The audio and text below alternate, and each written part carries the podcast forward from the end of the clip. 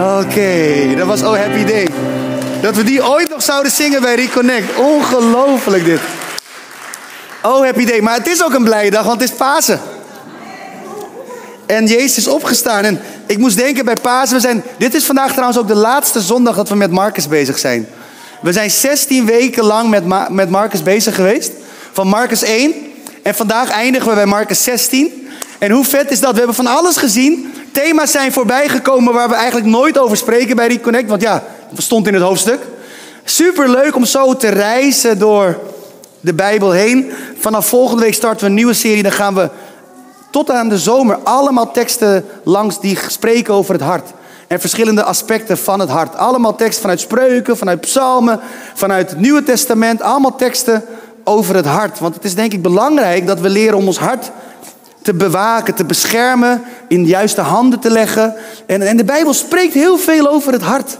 Echt waar. Als je het gewoon opzoekt in de concordantie, gewoon hart, met een T, dan ga je heel veel vinden. Hart met een D weet ik niet, maar in ieder geval met een T heel veel. Maar vandaag eindigen we de serie van Marcus. En ik wil jullie meenemen naar Marcus 16, vers 6. Ik vind dat zo'n mooi stuk. Het is heel één vers. En daar zegt de engel tegen de mensen: Wees niet bang. Jullie zoeken Jezus van Nazareth, die gekruisigd is. Hij is opgewekt uit de dood. Hij is niet hier. Kijk, dat is de plaats waar hij was neergelegd. Vader, dank u wel voor uw woord. Dank u wel dat er licht verschijnt wanneer uw woord open gaat. Licht om onze harten te verlichten, om ons te laten zien waar we staan, waar we naartoe gaan, waar we vandaan komen.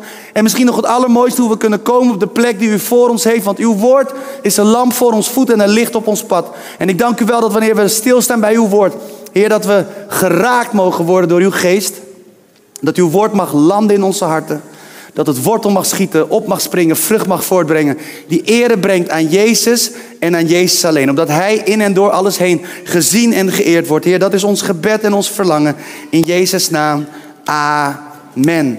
Het is Pasen. En zo mooi. Pasen is het feest van de opstanding. Het is het feest van nieuw leven. En ik heb echt nagedacht, waar gaan we het over hebben met Pasen? Want iedereen verwacht natuurlijk dat verhaal. Toch? Want dat is Pasen. Maar ja, na tien jaar Reconnect dacht ik, ja, maar wat kan ik nog meer vertellen? Wat gebeurde er nog meer op Paasdag, op Paaszondag? Wat gebeurde er allemaal op die dag? Nou ja, we weten dat het graf leeg is.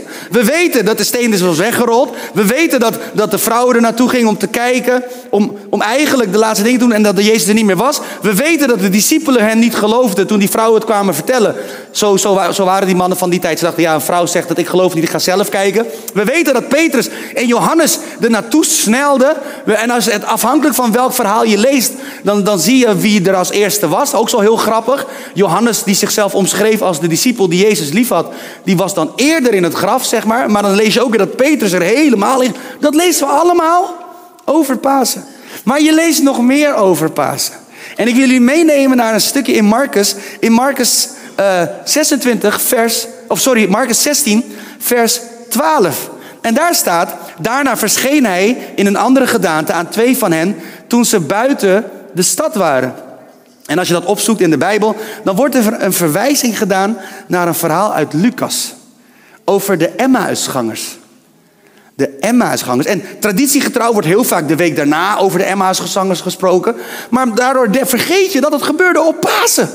Het gebeurde op Pasen. Het gebeurde op die dag. Later die dag verscheen Jezus aan. Het gebeurde op Paaszondag. Er gebeurde heel veel op Paaszondag. En ik wil jullie meenemen naar het verhaal van de Emmausgangers. En misschien ken je het al, maar ik vind het een machtig mooi verhaal. En ik denk dat we er heel veel aan kunnen hebben. Want als je gaat naar Lucas 24, vers 13 tot en met 16, daar staat... Dezelfde dag gingen twee van de leerlingen op weg naar Emmaus. Een dorp dat 60 stadie van Jeruzalem verwijderd ligt. En ze spraken met elkaar over alles wat er was voorgevallen. En terwijl ze zo met elkaar in gesprek waren, kwam Jezus zelf naar hen toe en liep met hen mee. Maar hun blik werd vertroebeld, zodat ze hem niet herkenden. En in, vers 18 zie je dan dat een van die twee Cleopas wordt genoemd. Cleopas. En het zijn er twee. En afhankelijk ook naar wie je luistert, wordt gezegd twee mannen. Want leerlingen van Jezus waren dan, moesten dan mannen zijn. Maar heel veel theologen en commentatoren zijn het er ook over eens dat het waarschijnlijk man en vrouw waren. Een stel. Dus ik noem ze Jij hebt Cleopas, die kort ik af als Cleo. Is makkelijker. Dus ik noem ze Cleo en Clea. Cleo en Clea waren onderweg. Leerlingen van Jezus. En waren gedesillusioneerd. Ze, ze, ze, dachten, Jezus is dood. Het verhaal is voorbij. Ze gingen weg uit Jeruzalem. Terwijl Jezus had gezegd, ik ga opstaan uit de dood.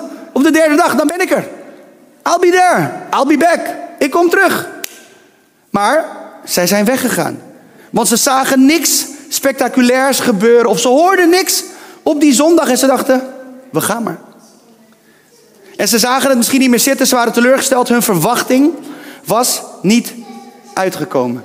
En toen ik daarbij stilstond, dacht ik, zou het zomaar zo kunnen zijn dat wij zelf soms ook te snel in beweging komen. Wanneer we een bepaalde verwachting hebben van God, we verwachten, we bidden ergens voor, we verwachten iets, we hopen ergens op en het gebeurt niet op het moment dat wij het verwachten, dat we dan denken, nou laat maar zitten. Misschien is het dan niet voor mij. Hoe snel zijn we daarmee om te zeggen, het is misschien niet voor mij?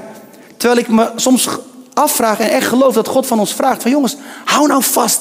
Hou nou vast. Durf vast te houden. Durf als een pitboel vast te bijten en, en te vertrouwen op mij. Zou het zomaar zo kunnen zijn dat wij soms te snel in beweging komen terwijl God van ons vraagt om te wachten en het van Hem te verwachten? Maar deze twee, Cleo en Clea, zijn op weg naar Emmaus. En Emmaus kan je vertalen als warmte, als hitte, als een warmtebron, een warme plek. Maar het werd ook gebruikt, dat woord waar het vandaan komt, werd ook gebruikt als het gaat over mentale dingen.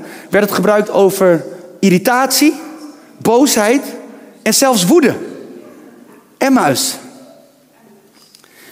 Zou het zomaar zo kunnen zijn dat zij mentaal ook die weg aan het bewandelen waren? Van irritatie via boosheid naar woede. Gewoon omdat ze zich vergeten voelden. Gewoon omdat het allemaal anders was gelopen dan ze hadden verwacht. En dachten, ja, misschien is het toch niet waar. Misschien was Jezus toch maar gewoon iemand. En ik geloofde het. En misschien heb ik het verkeerde geloofd. Ze waren op weg naar Emmaus. Emmaus, een ander weetje is dat Emmaus 60 stadie, dus omgerekend circa 12 kilometer verwijderd was van Jeruzalem, ten noorden denken ze.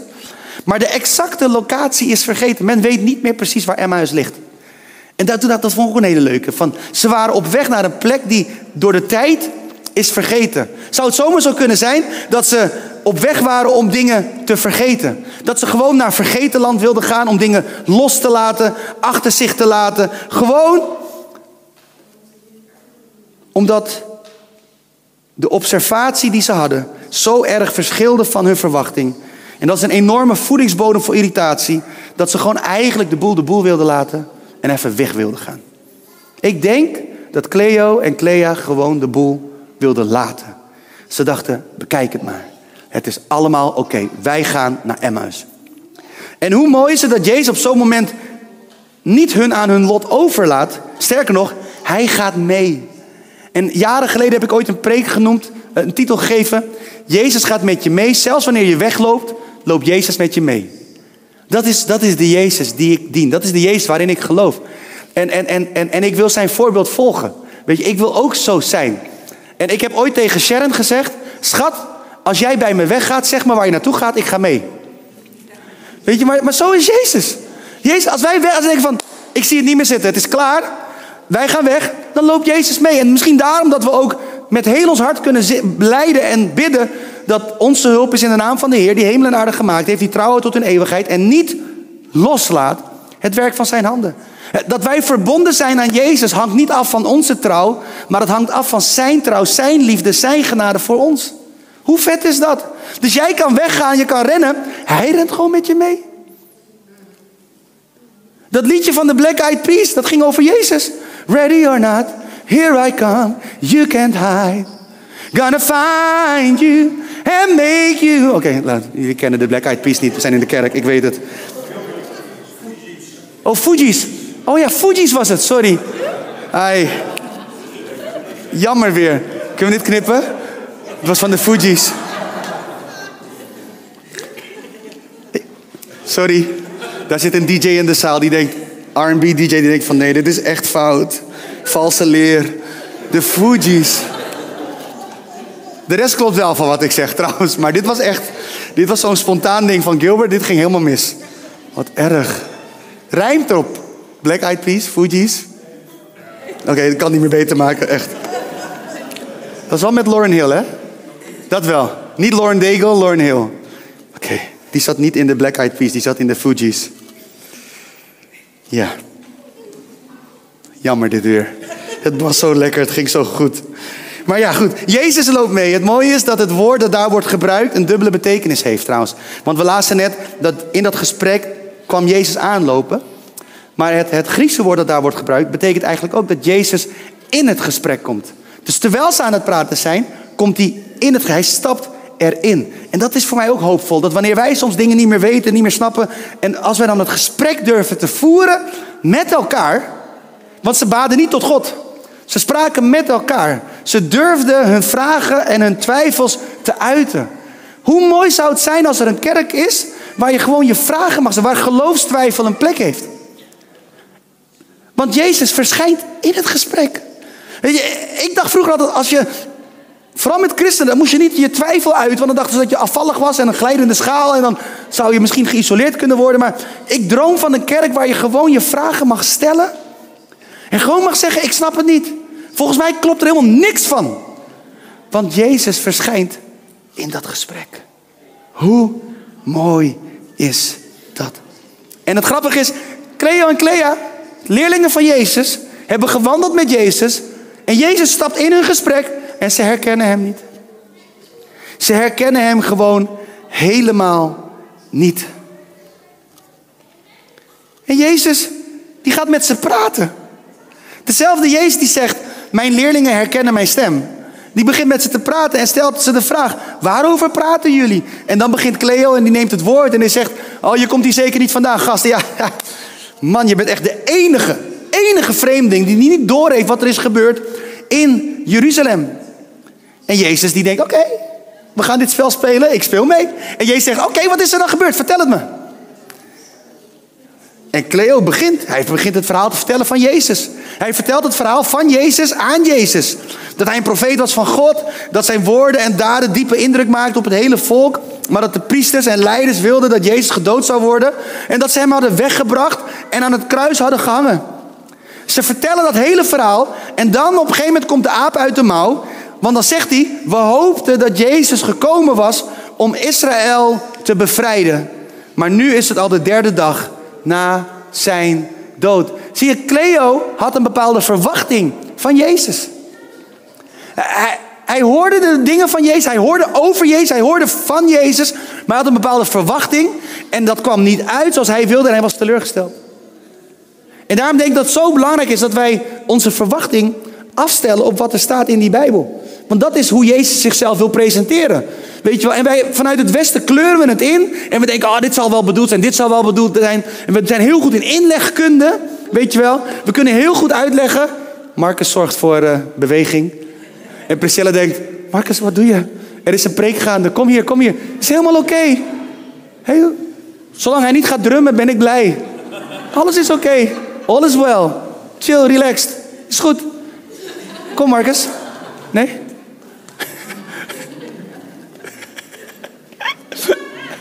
Wil je hier staan? Nee?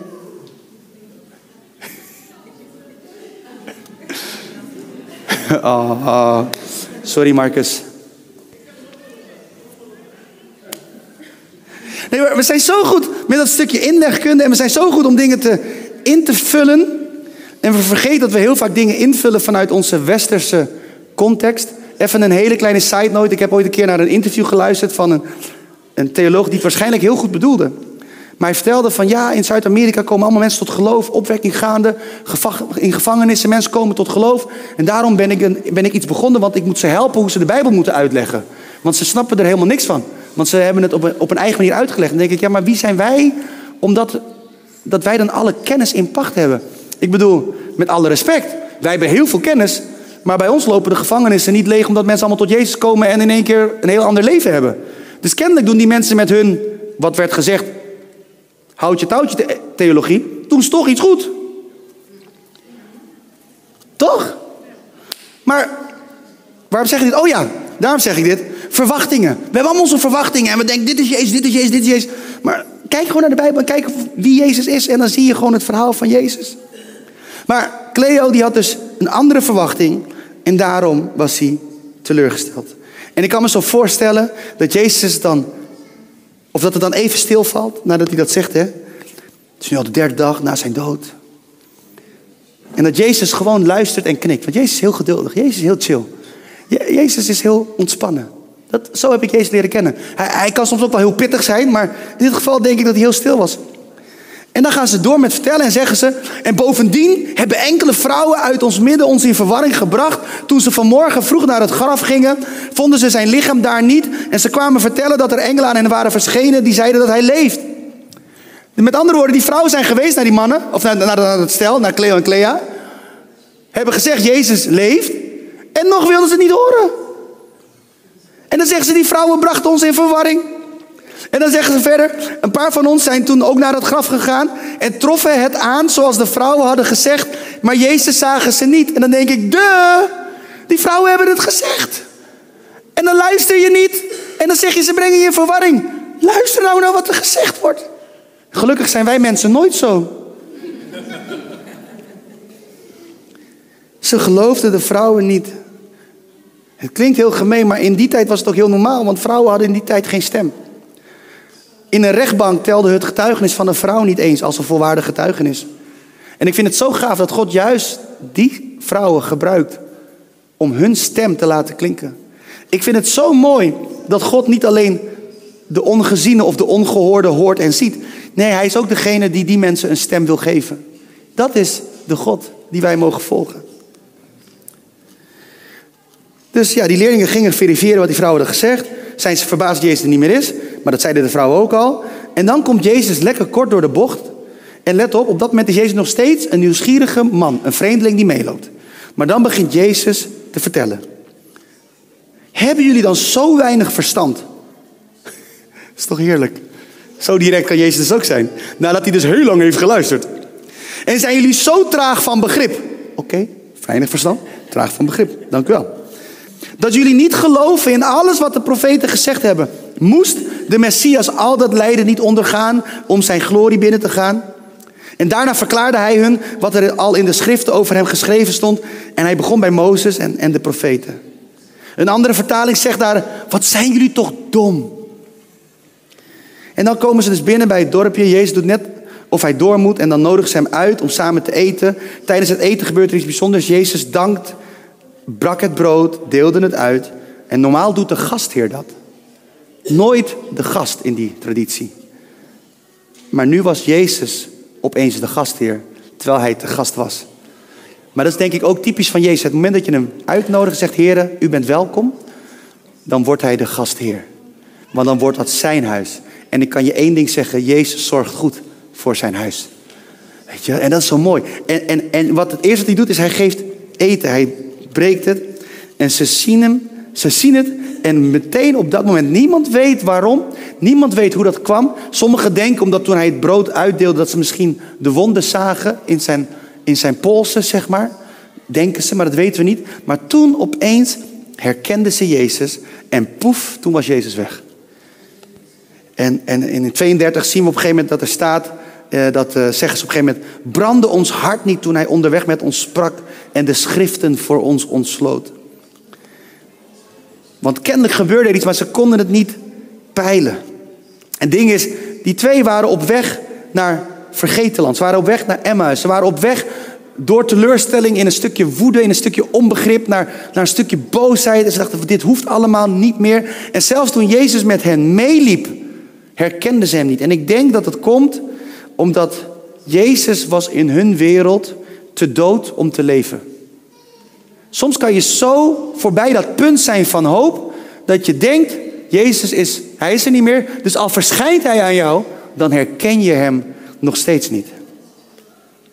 En Jezus had toen kunnen denken, weet je, laat maar zitten, zoek het maar uit. Ik ben al meegelopen, ik ben al verschenen in jullie gesprek, ik heb naar jullie geluisterd, ik heb jullie uitgelegd hoe het moet, ik heb jullie alles verteld. En nog steeds willen jullie het niet geloven? Oké, weet je wat, ik ga wel naar die elf die wel zijn gebleven in Jeruzalem. Weet je wel, ik ga wel naar die vrouwen toe, die, die wel geloofden. Eh, ik ga wel naar die anderen toe, die wel wilden luisteren. Maar zo is Jezus dus niet. En dat hadden we kunnen weten, want Jezus vertelt zelf dat verhaal van dat die herder en die honderd schapen, 99 zijn goed, eentje is kwijt. En waar, waar gaat Jezus naartoe? De herder gaat naartoe. Die ene zoeken. Dat is het goede nieuws, mensen. Dat Jezus zoekt ons, nog voordat wij überhaupt begonnen met zoeken. Ik heb zelfs opgeschreven, wat had Jezus te zoeken bij die losers? Niet dat zij zo uniek zijn in hun loserschap. Ik bedoel, ik kan net zo'n loser zijn van tijd tot tijd. Ik kan ook soms mezelf heel zielig vinden. Ik ben daar echt goed in van tijd tot tijd. Maar Jezus gaat op zoek. Hij koos ervoor om twee gebroken reizigers op te zoeken. En wanneer ik kijk naar deze twee reizigers, dan denk ik aan heel veel delen van mijn eigen reis. Dan denk ik aan de keren dat ik Jezus niet herkende tijdens de reis. Dan denk ik aan de momenten dat ik dacht dat ik iemand gewoon dat, dat iemand gewoon aan het bemoeien was met mijn leven, terwijl die persoon Gods hand in mijn leven mocht vertegenwoordigen. Weet je, dan denk ik aan dat soort momenten. Dan denk ik aan de momenten dat ik dacht dat er geen weg meer uit was, terwijl de oplossing binnen handbereik lag. Wanneer ik kijk naar dit verhaal, dan zie ik een God die niet loslaat, ook niet wanneer wij dat al heel lang hebben gedaan. Ik zie een God die de hoop levend houdt, zelfs wanneer wij denken dat alle hoop vervlogen is. Ik zie een God die met ons meeloopt, zelfs wanneer wij weglopen. En dat is voor mij het goede nieuws van Pasen. Ja, Pasen is het verhaal dat Jezus is opgestaan. Ja, Pasen is het verhaal van opstandingskracht voor jou en voor mij. Maar Pasen is vooral het verhaal van de schepper van hemel en aarde, die met ons meeloopt wanneer wij niet meer met hem meelopen. Het is het verhaal van hoop, van liefde en van genade. En deze overdenking is voor iedereen die wel eens op weg is geweest, of misschien nu op weg is naar Emmaus.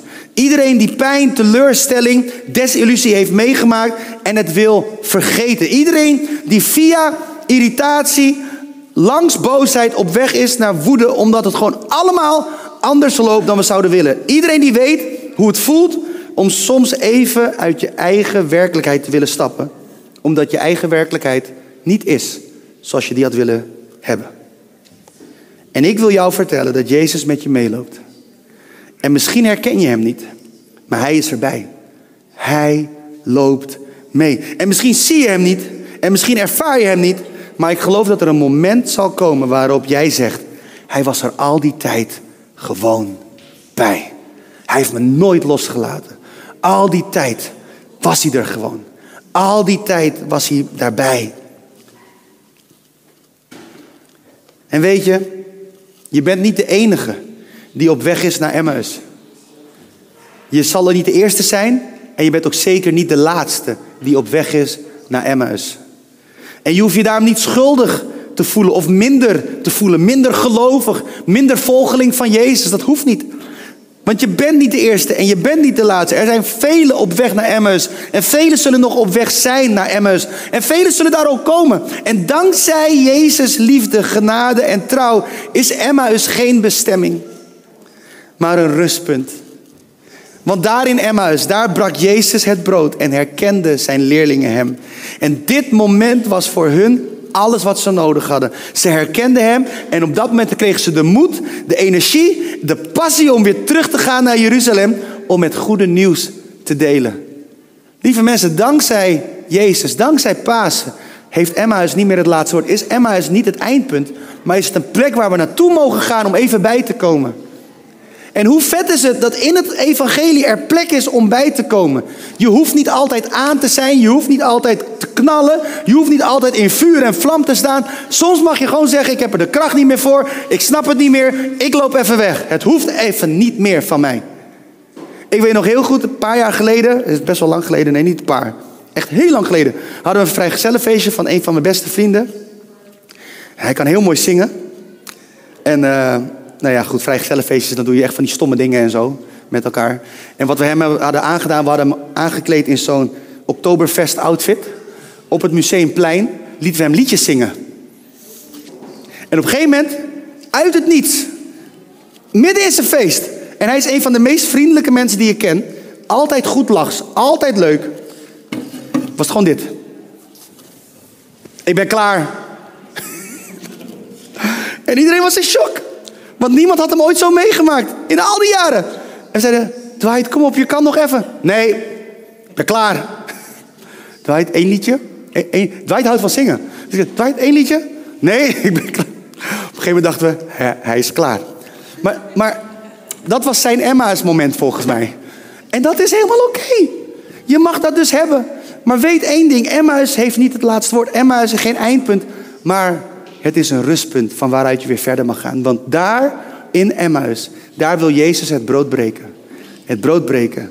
Daar wil Jezus zijn leven, uh, zijn lichaam als het ware geven aan jou. En zegt hij, hé, hey, ik ben gebroken voor jou zodat jij weer verder kan gaan. Daar in Emma's wil hij maaltijd met je hebben. Daar op dat punt, wanneer jij op, op je diepst bent, wanneer jij die, die bottom, rock bottom raakt, daar wacht hij op jou. En daar mag je hem herkennen. En dan mag je weer in beweging komen. En dan mag je weer gaan naar Jeruzalem en zeggen: Jongens, ik heb wat meegemaakt. Jezus leeft. Dat is Pasen. Echt, ik hou van Peter. en Sarah zegt: Peter, je klapt zo hard in mijn oor. maar lieve mensen, dat is voor mij de paasboodschap. Dat is voor mij het goede nieuws.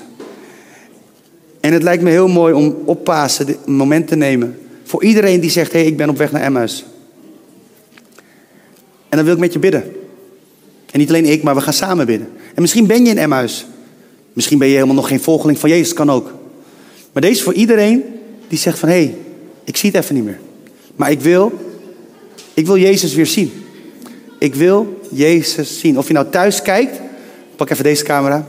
Als je thuis kijkt, weet je wel, je zegt, hé, hey, ik wil Jezus weer zien. Dan is dit jouw moment. En dan wil ik met je bidden. Of je nou thuis kijkt of hier bent. En uh, we doen het al een paar weken. Dus uh, vooral de mensen die al vaak kijken, die weten hoe het gaat. Ik doe, even, ik doe de chat even aan, zodat ik kan zien. Lieve mensen, als jij zegt, hé, hey, ik wil gewoon Jezus zien in mijn leven. Gewoon dat. Of je nou op weg bent naar Emmaus of nog helemaal, helemaal niet op weg bent met Jezus. Ik geloof dat Jezus nu al met je meeloopt. Want hij zocht ons voordat wij hem zochten. En dan zou ik me willen vragen of iedereen voor een moment zijn ogen wil sluiten. Thuis hoeft dat niet. Maar hier iedereen zijn ogen sluiten. En dan tel ik zo meteen tot drie. Als ik bij drie ben en jij zegt, ik wil Jezus zien. Ik wil, ik wil leven met Jezus. Ik wil leven voor Jezus. Ik wil, ik wil achter hem aangaan. En let op, als je dat al doet, dan, dan is dat natuurlijk niet voor jou. Hè? Dan mag je gewoon chill, ontspannen, relax. Maar voor die mensen die zeggen van, oh, ik ben op weg naar Emmaus. Oh, ik ben in Emmaus. Of, hey, ik ben nog niet eens in de buurt van Emmaus. Ik ben gewoon niet eens bezig met Jezus. Maar ik wil dat wel. Als jij die persoon bent. één, weet dat Jezus van je houdt. Twee, weet dat hij voor jou gestorven is. En als jij die persoon bent. Drie, mag ik dan je hand zien. Als jij zegt, ik wil. Ik wil dit. Ik wil dit. Ik wil Jezus zien. Ook als je thuis bent, mag je hand opsteken. Je vinger bedoel ik. En dan gaan we zo meteen een gebed bidden. Met elkaar. Met de mensen die een hand hebben opgestoken. Met de mensen die thuis hun vinger hebben opgestoken. In de chat of iets anders. En dan gaan we met elkaar bidden. En ik wil je vragen om met mij te gaan staan hier. Iedereen, als we samen gaan bidden. Voor één moment. Zo, iedereen? Niet, ook als je hand niet hebt opgestoken, laten we samen staan. En ik wil je vragen om me na te bidden. En vooral voor de mensen die een hand hebben opgestoken. Dat we hun gaan supporten, oké? Want anders hoor je maar een paar stemmen en dat kan heel eng zijn. Maar als we het samen doen, dan dragen we elkaar. Dan zeggen we het samen. Yes. En dan wil ik jullie voorgaan in gebed. En dan geloof ik met heel mijn hart dat dit een dag zal zijn waar velen Jezus zullen gaan ontmoeten. We Jezus gaan zien. Misschien zijn ze op weg naar Emmaus. Misschien zijn ze in Emmaus. Misschien zijn ze nog helemaal niet achter Jezus aan aan het wandelen. Maar dit wordt een dag waar, waar Jezus zich wil laten zien. En dit gebed is geen magisch gebed. Het, is, het verandert niet alles in één keer. Maar het is een eerste stap die we mogen zetten. Het is een stap in, in vertrouwen, in afhankelijkheid, waarin we mogen zeggen: Heer, ik wil achter u aangaan. Ik wil, ik, ik wil u volgen. Heer, ik wil u zien. In mijn gebrokenheid, in mijn pijn, in mijn verdriet. Ik wil u zien.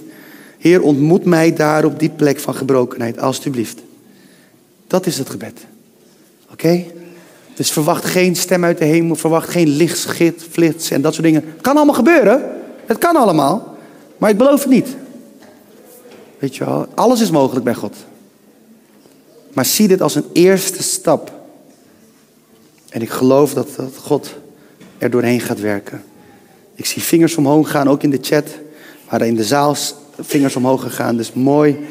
Ik wil jullie voorgaan, samen. Bid me maar na. Lieve Vader, dank u wel dat u met ons meegaat. Dat u ons nooit loslaat. En dat u ons wilt ontmoeten op weg naar Emmaus. En zelfs wanneer we daar zijn op het allerdiepste punt, dan bent u daar al.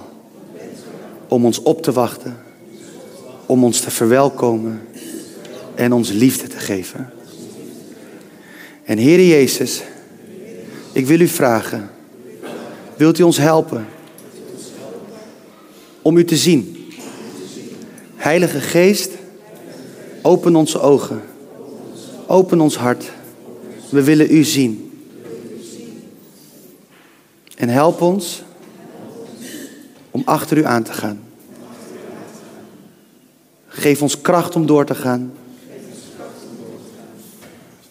Geef ons vrede om de rust te blijven houden. Geef ons meer van uw liefde om het uit te delen. Dank u wel dat we bij u mogen horen, omdat u al voor ons heeft gekozen. Dank u daarvoor. In Jezus' naam. Amen.